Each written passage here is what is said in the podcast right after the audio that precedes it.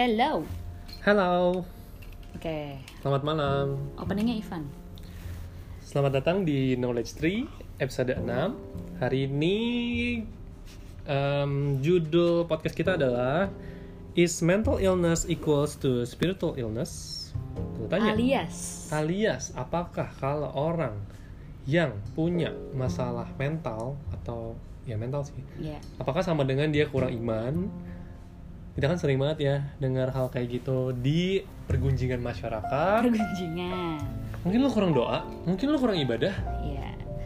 Itu bermula dari em, ya biasanya kalau jadi gue sendiri pernah di dalam satu percakapan di mana eh, ada ya kerabat lah ya yang tidak mempercayai adanya mental illness.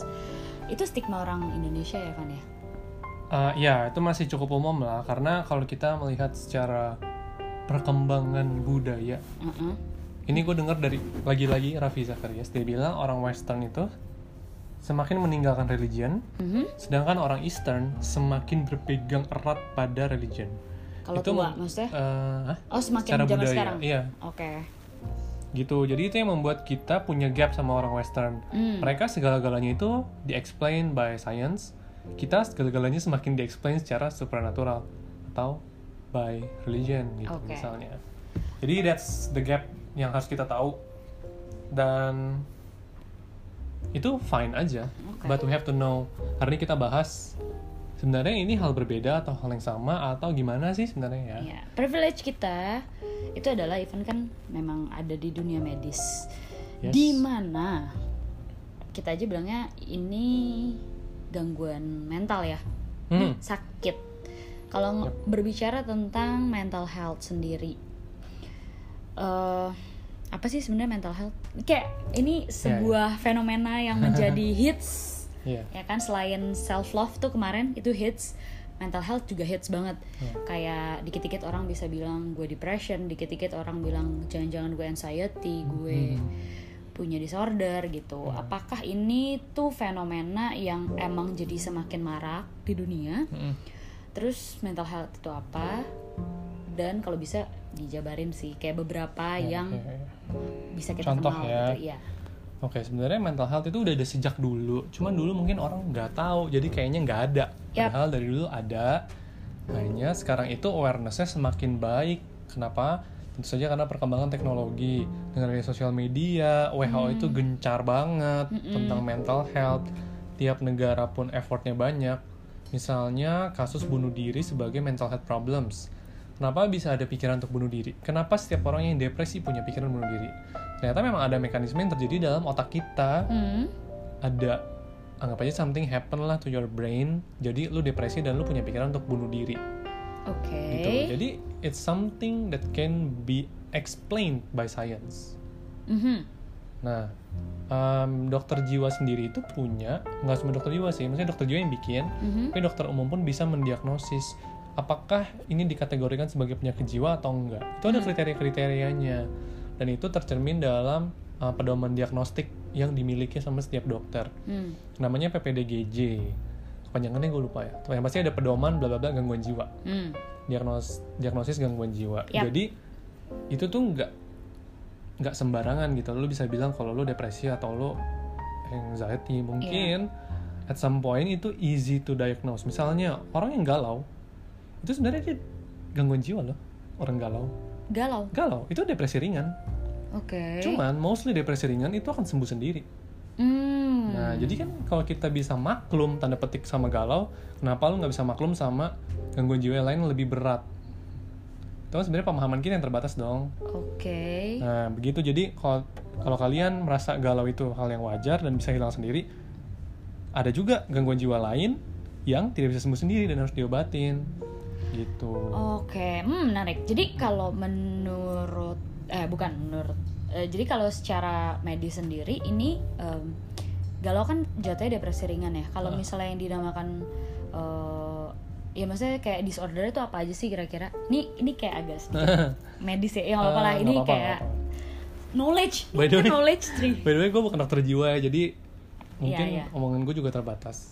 gue harus berhati-hati sih jadi kalau teman-teman dokter ada yang mendengarkan dan ada kesalahan mau dimaafkan ya karena emang gue interestnya bukan ke sana Ah, ada juga misalnya gangguan kepribadian. Ada yang disebut gangguan kepribadian antisosial ada gangguan kepribadian ambang ada gangguan kepribadian lain-lainnya lah pokoknya. Ada kayak A B C D gitu.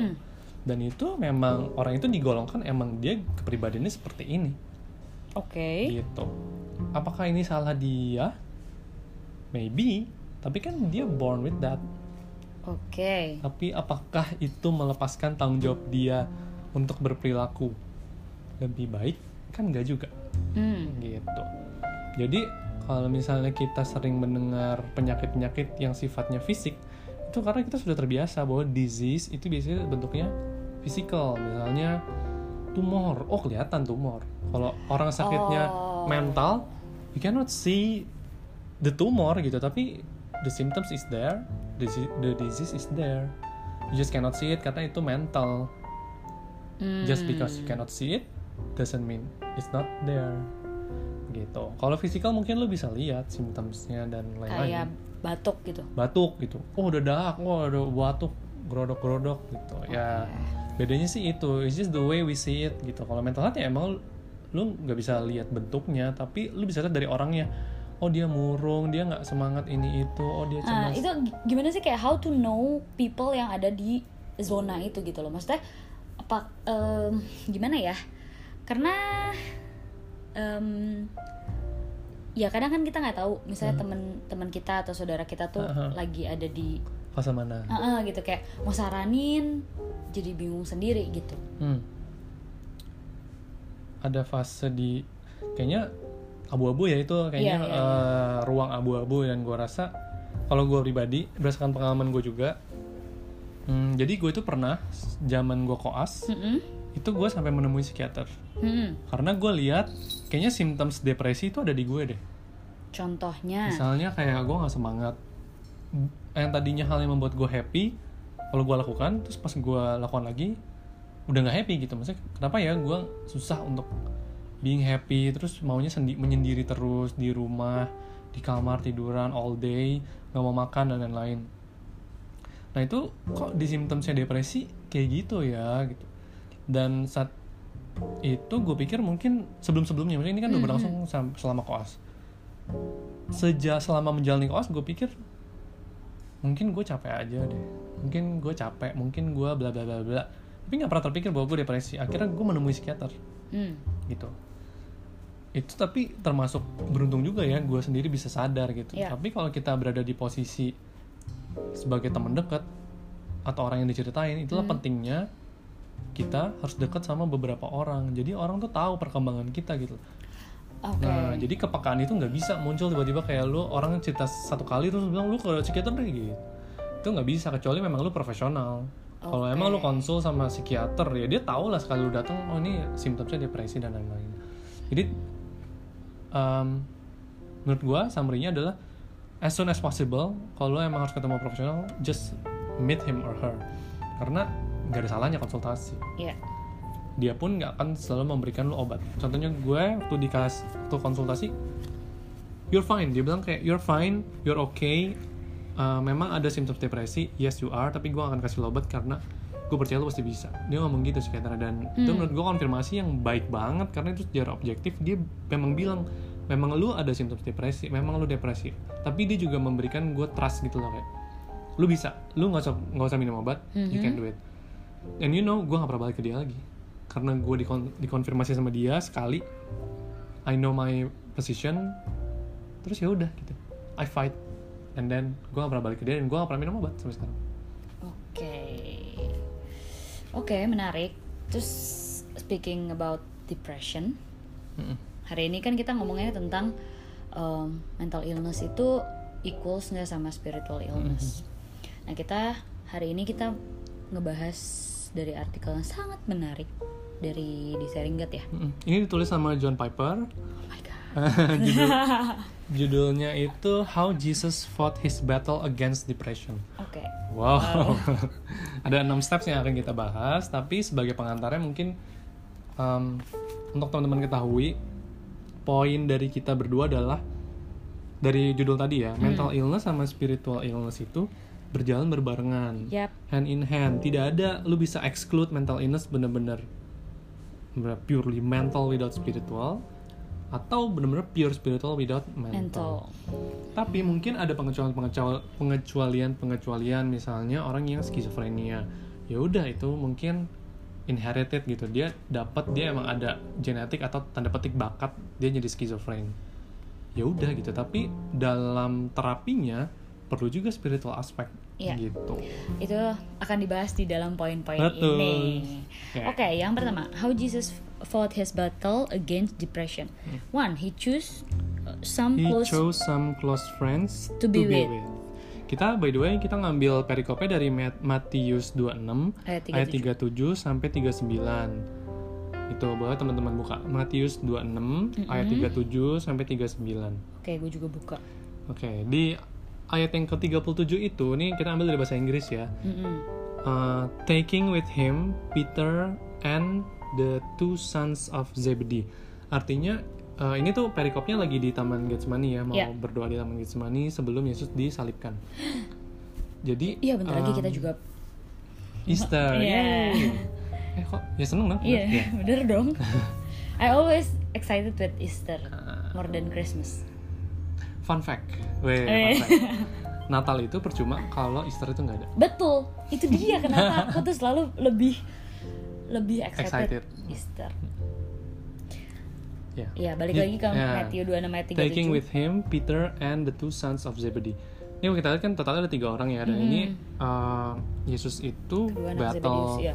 Intinya dia melawan depresinya atau uh, perasaan dia yang super gak enak itu. Pertama adalah dengan memilih orang terdekat dia gitu untuk Iya. ikut. Ini tuh poin penting banget ya kita sebagai orang Kristen yang berkomunitas. Itulah kenapa saran dari kita adalah segeralah tertanam di, di komunitas gereja atau kalau kalau teman-teman bilangnya small group atau komsel, Komsel, atau nama-nama ya nama-nama lain lah pokoknya belajarlah untuk tertanam karena kalau dari pengalaman gue sendiri gue sangat longing for community dan saat ini sudah tertanam di gereja lokal dan Hmm. rasanya tuh beda banget Ya.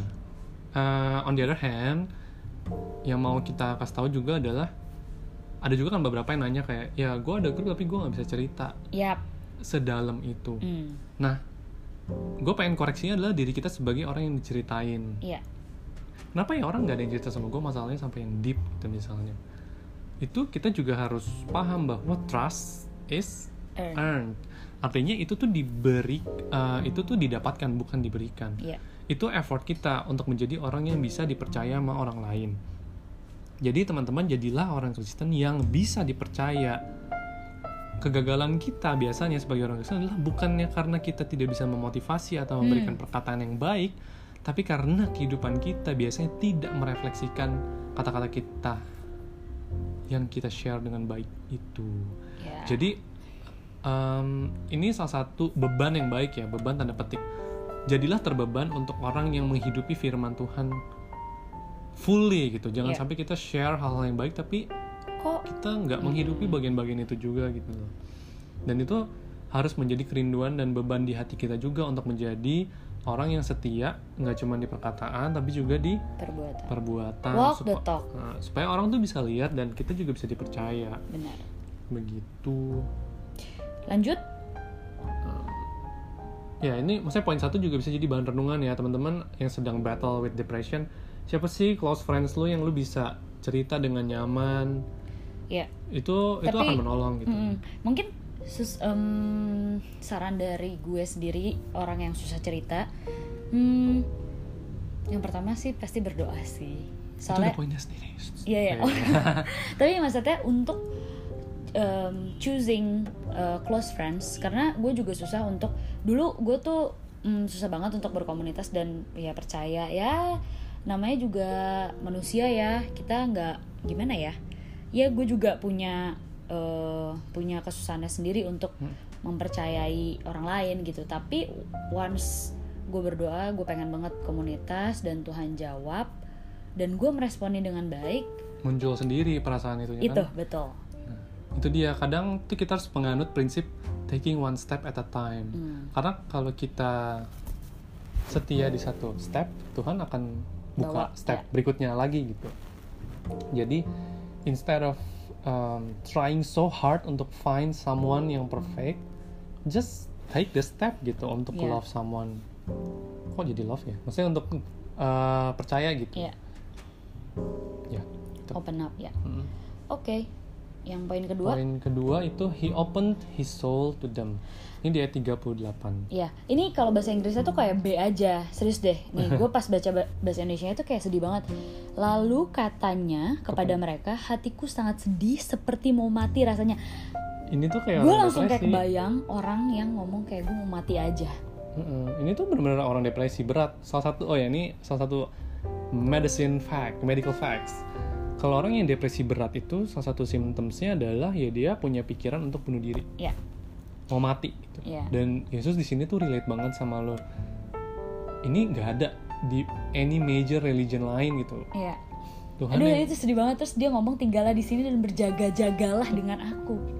Ya, Eh, maksudnya poin di situ adalah Tuhan itu bukan Tuhan yang jauh dari penderitaan kita loh. Dia tuh nggak ada di atas awang-awang yang aku tahu Tuhan pasti tahu perasaanku. Dia tuh mengalami juga gitu. Itu hal yang membuat lo bisa uh, you can trust Jesus gitu untuk mengarungi kehidupan ini. Karena dia mengalami hal yang lo alami sekarang gitu.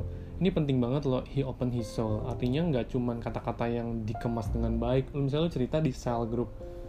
Ya gue. lo berusaha ah, mengemas supaya lo defensif gitu kan. Lo nggak vulnerable penting banget lo untuk kita benar-benar ngomongin apa yang kita rasain uh, dan tahu bahwa di grup itu lo nggak akan dijudge itu menurut gue feeling yang sangat-sangat uh, melegakan ya bukannya Iya. malah lu terkerangkeng atau lu merasa dijudge itu sih yang gue rasa di grup sekarang ya yang gue jalanin waktu itu gue bilang gue suka gue suka banget loh marah di jalanan karena gue emosi gitu kenapa Hmm. orang gini bla bla bla tahu sendiri lah jalan Jakarta Hmm. ya tapi nggak ada yang judge gue Hmm. dia bilang ya kita ngerti tapi lo harus belajar gitu. Dan di follow up gitu minggu depannya gimana? Udah baik udah mendingan belum? Dan menurut Hmm. gue di situ tuh pertumbuhan tuh terjadi gitu. Setiap kali gue di jalan tuh gue ngeh gitu. Ya. oh ya gue emang harus belajar ya kayak gini bla bla bla. Itu ngomong eh, speak eh, jadi ke, keinget aja gitu kayak pas cerita Ivan selain kita itu harus jadi orang yang dipercaya kita juga harus komit sih. Paling males cerita Ah, iya, sama benar. orang terus hilang orangnya lupa. timbul atau iya. Maksudnya kayak kemarin cerita gue mana ya iya. gitu. "Ah, dia cerita apa ya kemarin? Oh dia tuh kerja di sini. Oh dia kerjain ini. Itu penting banget. Mm-mm. Calling all the leaders itu paling penting apalagi yang di eh, harus banget diketahui sama kepala-kepala atau orang yang memang punya anak. Membawahi lah iya membawahi gitu. Yang punya anak-anakan lah Anak-anak maksudnya gitu. spiritual. itu penting banget karena eh, kita nggak tahu perasaan anak spiritual itu kan kalau misalnya dan kalau diinget itu orang seneng.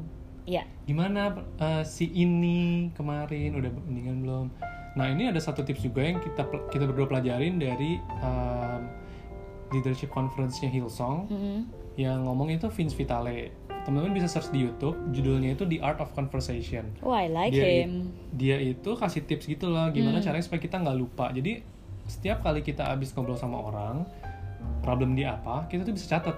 Iya. kita tuh bikin satu dokumen lah istilahnya tentang orang ini apa Iya. sih yang habis kita obrolin jadi in case kita ketemu dia lagi nanti kapan pun itu kita bisa search nama dia dan Hmm. kita bisa tahu gitu. Terakhir kita ngobrol problem dia itu apa. Ya. Kalau misalnya teman mau simple catat di handphone, gue rekomen pakai Google Keep. Karena lu bisa kasih title sama ada checklistnya Iya. gitu. Dan itu akan sangat itu membantu banget buat gue tahu gitu loh. Oh terakhir gue ngobrol sama dia tuh dia lagi ada masalah keluarga misalnya bokapnya kenapa? Gue bisa tanya. Iya. dan cuma sekedar nanya itu membangkitkan Matters banget, gitu. betul. iya dan dia jadi ngomongnya banyak. Oke lanjut. Lanjut. Ke poin tiga. He asked for their uh, intersection i- intercession. And? Intercession Iya. and partnership in the battle, battle.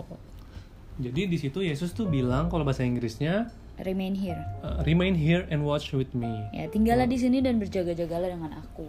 Nah itulah pentingnya kita setia tinggal di sana. Watch. Kalau kita lihat murid-muridnya Yesus yang dilakukan adalah tidur. Dan Yesus di situ kecewa loh, dia bilang kayak kenapa? Oh my god, ini ini ini sangat uh, align dengan uh, tema tema gereja sih bulan ini yaitu compassion gitu. Karena tema gereja gue.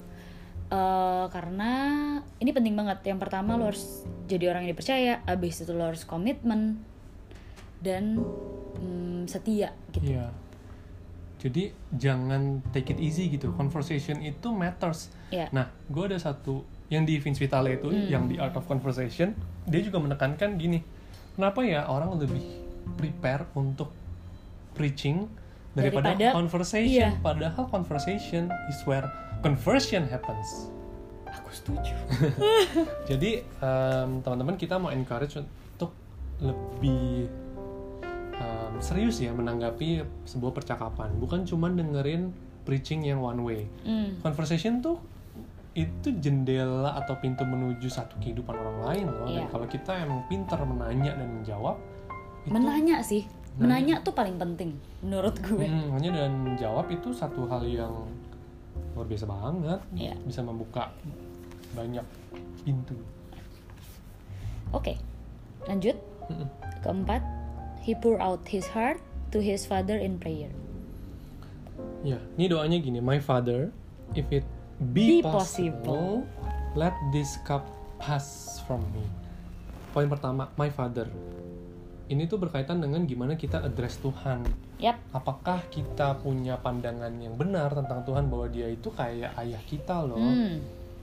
Dan gue gak mau bilang sialnya ya. Keadaan kita sekarang di dunia yang seperti ini adalah banyak dari kita yang punya image tentang ayah tuh yang gak baik atau rusak. Hmm. Itulah pentingnya kita tahu identitas kita di dalam Tuhan itu udah anaknya Tuhan loh. Hmm. Nah, gimana sih cara kita berdoa? Apakah kita takut kalau kita salah, kita datang sama Tuhan kita dihukum? Ya. Atau kita punya mental seperti apa nih uh, saat kita approach Tuhan sebagai ayah? Ya. gitu. Jadi ini penting banget bahwa teman-teman punya gambaran yang tepat gitu tentang Tuhan. Dia itu bukan Tuhan yang menghukum. Ya. Hukuman terhadap kita bukannya dimaafkan atau di brush it off, tapi itu sudah dilimpahkan ke Yesus. Ya. Jadi ini hal yang berbeda ya. Ada orang yang anggap ya udahlah dosa gue udah Dihapusin. ya udah Tuhan Tuhan nggak judging kok God loves me anyway bla bla bla. No, God itu juga just, dia itu adil. Jadi hukuman buat kita tuh udah dilimpahkan ke Yesus. That's why kita harus berdoa dengan tetap hormat dan respect gitu. Itu tercermin dari kalimat berikutnya, if it possible. Itu kan Sebuah uh, nanya sar Iya. kayak At- mengambil posisi itu tidak di atas Tuhan Iya. gitu. kalau Tuhan, kalau mungkin boleh, kalau ya. mungkin yang ini jangan deh gitu. jikalau sekiranya mungkin bahasa Indonesianya. Hmm. Itu menunjukkan kerendahan hati kita dalam berdoa. Apakah kita address Tuhan waktu kita berdoa itu kita nagih-nagih Tuhan Hmm. atau kita sebenarnya memang mengungkapkan apa yang ada dalam hati kita dan menghormati Dia sebagai em, Tuhan yang berkuasa gitu. Oke. Jadi ini penting sikap dalam berdoa. Ya, lanjut. Poin kelima ini sangat relate dengan poin keempat. Mm-mm. He rests his soul He rested his soul in, the, sovereign wisdom, of God. Kalimatnya di Matius 26 ayat 39, Nevertheless, not as I will, but as you will. Ini sebenarnya berhubungan dengan doa Bapa kami ya, Ya. gitu. Dan di sini Yesus mempraktekkan itu doanya. Jadi di sini ada surrendering ya, artinya berserah sama Tuhan Hmm. bahwa Yesus itu tahu dia tuh punya kedagingan gitu dalam form manusia ini Oh. Not as I will. Kan tadi will dia adalah let this cup pass for me ya. Jadi Iya. dia "Oh, kalau bisa sih jangan deh gitu. Iya. atau lewatin deh. Tapi kalau memang itu kehendak Tuhan ya udah. Ya. gitu. Karena ini menunjukkan adanya trust to God about His sovereign wisdom. Oke. gitu. Jadi ini pelajaran juga tentang berdoa bahwa teman-teman kalau berdoa itu jangan lagi yang kedua eh, percayalah bahwa rencana Tuhan tuh baik gitu nggak ada yang rencana yang jahat Hmm. Iya, kalau ngomongin berdoa panjang itu bisa jadi satu section sendiri karena menurut Iya. gue ketika orang bilang, hmm, apa namanya, not as I will but Not as you will tapi di dalam hatinya sudah ada agenda hmm Siapa tahu dengan gue ngomong gini Tuhan jadi lebih lah. By the way gue baru bukan baru sih. Dari tahun lalu gue udah beli buku tentang prayer. eh yang itu ya Iya, itu ada 900 halaman tentang Yeah, doa. Sampai sekarang gue belum buka. Karena itu 900 halaman, jadi semoga gue bisa menyelesaikan itu tahun ini. Hebrew Ya, oke Lalu poin terakhir yang keenam, adalah he fixed his eye on the glorious future grace that awaited him on the other side of the cross. Ini ngambil ayatnya dari Ibrani 12 ayat dua ayat 2. Bahasa Inggrisnya gini, For the joy that was set before him, he endured the cross, despising the shame, and is seated at the right hand of the throne of God. Ya kalau bahasa Indonesia juga juga bagus deh. bahasa Indonesia-nya itu adalah hmm, dan yang membawa iman kita itu ya Hmm, ayat 2, Ibrani 12 ayat 2. ini yang dengan mengab ini Ibrani kan Iya. 12 ayat 2 dan yang membawa iman kita yang mau yang dengan Marilah kita melakukannya dengan mata yang tertuju kepada Yesus yang memimpin kita dalam iman dan yang membawa iman kita itu kepada kesempurnaan. Yang dengan mengabaikan kehinaan tekun memikul salib ganti sukacita yang disediakan bagi dia yang sekarang duduk di sebelah kanan tahta Allah. Keren ya. Ini tuh yang juga di author Makanya tadi gue and kayak, perfecter of our faith. For the joy soalnya itu tadi dia Dia potong, dia Iya. kayak 2B lah. Iya. Iya benar. Ya, jadi itulah 6 poin yang eh, Yesus lakukan Iya. ya. Tapi kalau ditanya, jadi depresi itu sebenarnya kita dosa nggak sih? Nah, Itu pertanyaan yang Sangat cukup bagus. umum dan teman-teman, I hope this will help. Ini dari John Piper juga, tapi gue rephrase jadi kata-kata gue ya. Depression itself is not a sin. But when you give up, when you put up no spiritual fight, that kind of surrender, itu Yes. tetap kind of surrender ya. Iya. Itu kan kayak berserah. hmm, That kind of surrender is sinful ya. because the root atau akarnya adalah unbelief. Akarnya adalah ketidakpercayaan. Ketidakpercayaan apa sih? Kita tuh gagal untuk percaya bahwa rencana Tuhan, janji Tuhan di dalam Yesus itu ya dan amin. Ya. Failure to believe God's promise in Jesus. Begitu. Kalau kata Bung Piper. Oke. Gitu. Eh ya, sharing sedikit. Ini pas gue baca ini, terus tadi gue bilang kayak sama Ivan, um, this is my um, jadi bulan ini adalah bulan ke-8 gue ke profesional.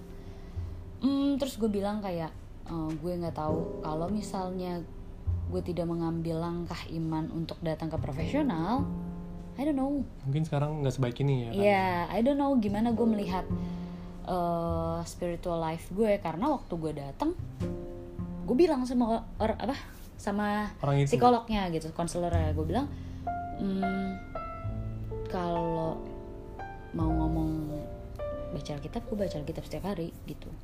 Tapi Jadi rasanya, kadang, jadi kadang eh, men- bertemu dengan profesional atau asking for help itu juga langkah iman gitu. Jadi Iya benar. Soalnya gue sangat sedih pas dia bilang kayak eh, gue tuh udah beda banget dari eh, ya dari awal dari 8 bulan 8 bulan lalu udah banyak perubahan yang baik dan dia bilang eh, dia hopeful banget sama apa yang ada di dalam diri gue because so much treasures. Even pas dia bilang gitu gue kayak hah? gitu. Kayak karena nggak sadar itu review dia loh. Dia tuh punya review gue dari bulan apa gitu. Udah dari 8 bulan lalu. Dan itu katanya dari gue iya dari gue bingung terus sedih terus karena bawaannya jadi ada sakit fisiknya juga.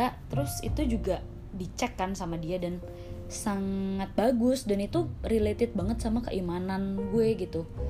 Karena waktu itu eh, perasaan keimanannya ya perasaan keimanannya gimana ya? Maksudnya Ivan tahu banget lah gimana Iya. gitu. Karena dia orang yang meyakinkan gue untuk datang ke profesi- profesional juga salah satunya Ivan gitu. Karena nah ini pentingnya punya partner yang baik dan eh, open minded terhadap hal seperti ini. Iya dan bukan jadi apa ya? Kalau kita mau berantem bisa banget. Nah.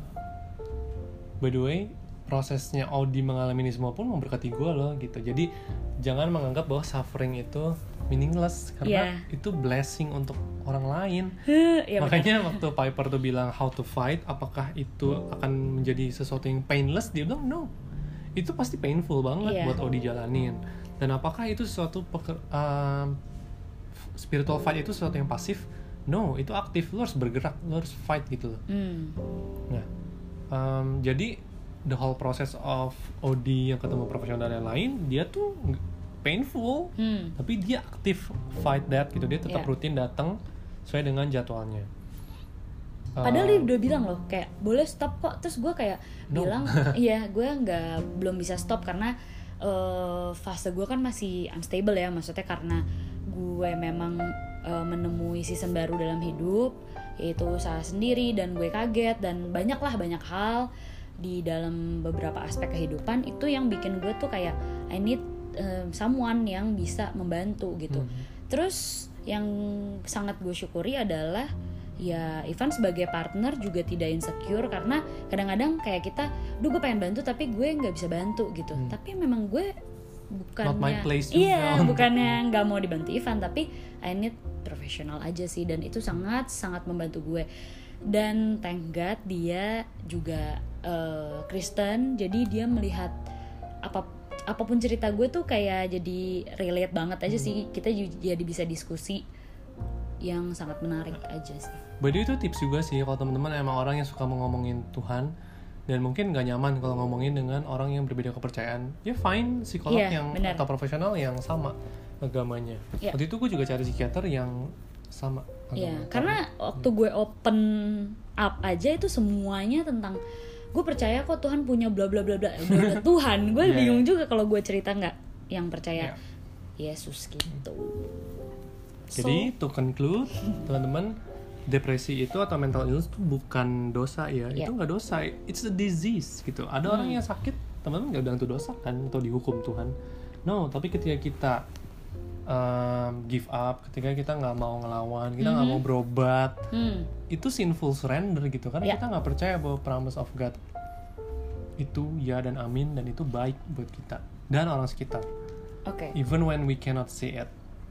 Dan apakah itu akan menjadi perjalanan yang enak? Enggak, itu akan painful dan lo harus aktif setiap hari kill that sin gitu. Iya. Iya. Nah, Kalau jadi- orang-orang scene-nya tuh kayak apa gitu ya? Scene buat gue ya, itu ketika kita tuh mulai Give up atau merasa Iya. diri kita useless. Iya, No, dan mulai don't. menangis. Gue tuh kalau udah nangis, gue sampai bilang, Tuhan, please help me gitu loh. Gue nggak mau nangis hari ini gitu, karena itu udah painful banget aja sih. Ada masanya di mana gue pengen nangis terus aja dan nggak mau keluar rumah. Jadi jangan lupa follow six steps of Jesus how he fought the battle with depression. Yang pertama, choose some close friends. Yang kedua, Yang kedua, spend uh, open his soul to them. Jadi jangan lupa untuk cerita sejujur-jujurnya. yang ketiga, Yang ketiga, ask for their intercession and partnership. Jadi sebagai orang yang diceritain harus remain and watch gitu. yang Yang keempat, keempat, pour out your heart in prayer ya penting tuh kepada berdoa. Tuhan as your father. Trust me, it's a privilege to call God your father. No other religion that can say that. Yang lima, he rested his soul on the sovereign wisdom of God. Jangan marah sama Tuhan kalau bukan rencana kita yang jadi. Justru serahkanlah supaya itu terjadi sesuai rencana Dia. Jadi apa pun outcome-nya, kalian bisa percaya bahwa itu adalah rencana Tuhan. Yang keenam, fix your eye on the prize gitu. In the future, everything will be well with Yeah. Jesus gitu. Oke. Oke. Oh my god, samaan. Nanti kamu jelasin. Oke. Eh, Maaf panjang banget. Kita main lama main panjang ya. Jadi Iya. 3 4 menit sekarang. Tapi ini sangat-sangat penting untuk diketahui. Please share this to people that need it. And please uh, feedback gitu. Kita sangat menantikan feedback. Even hanya bilang thank you atau kayaknya lebih bagus kayak gini-gini deh. Itu sangat berarti buat kita. Uh, atau buat dokter yang bilang tuh penjelasan Ivan salah tuh gitu. Itu juga thank you banget loh. Gua butuh banget. Oke. So kita akan bertemu lagi minggu, depan. Don't forget to share Instagram bisa tag Odino or me bisa kasih komen atau feedback atau caption supaya orang lain bisa denger juga kalau kalian merasa terberkati thank you for listening thank you for your time Uh, remember, God is sovereign. Oh my God. bye bye Bye. God bless you.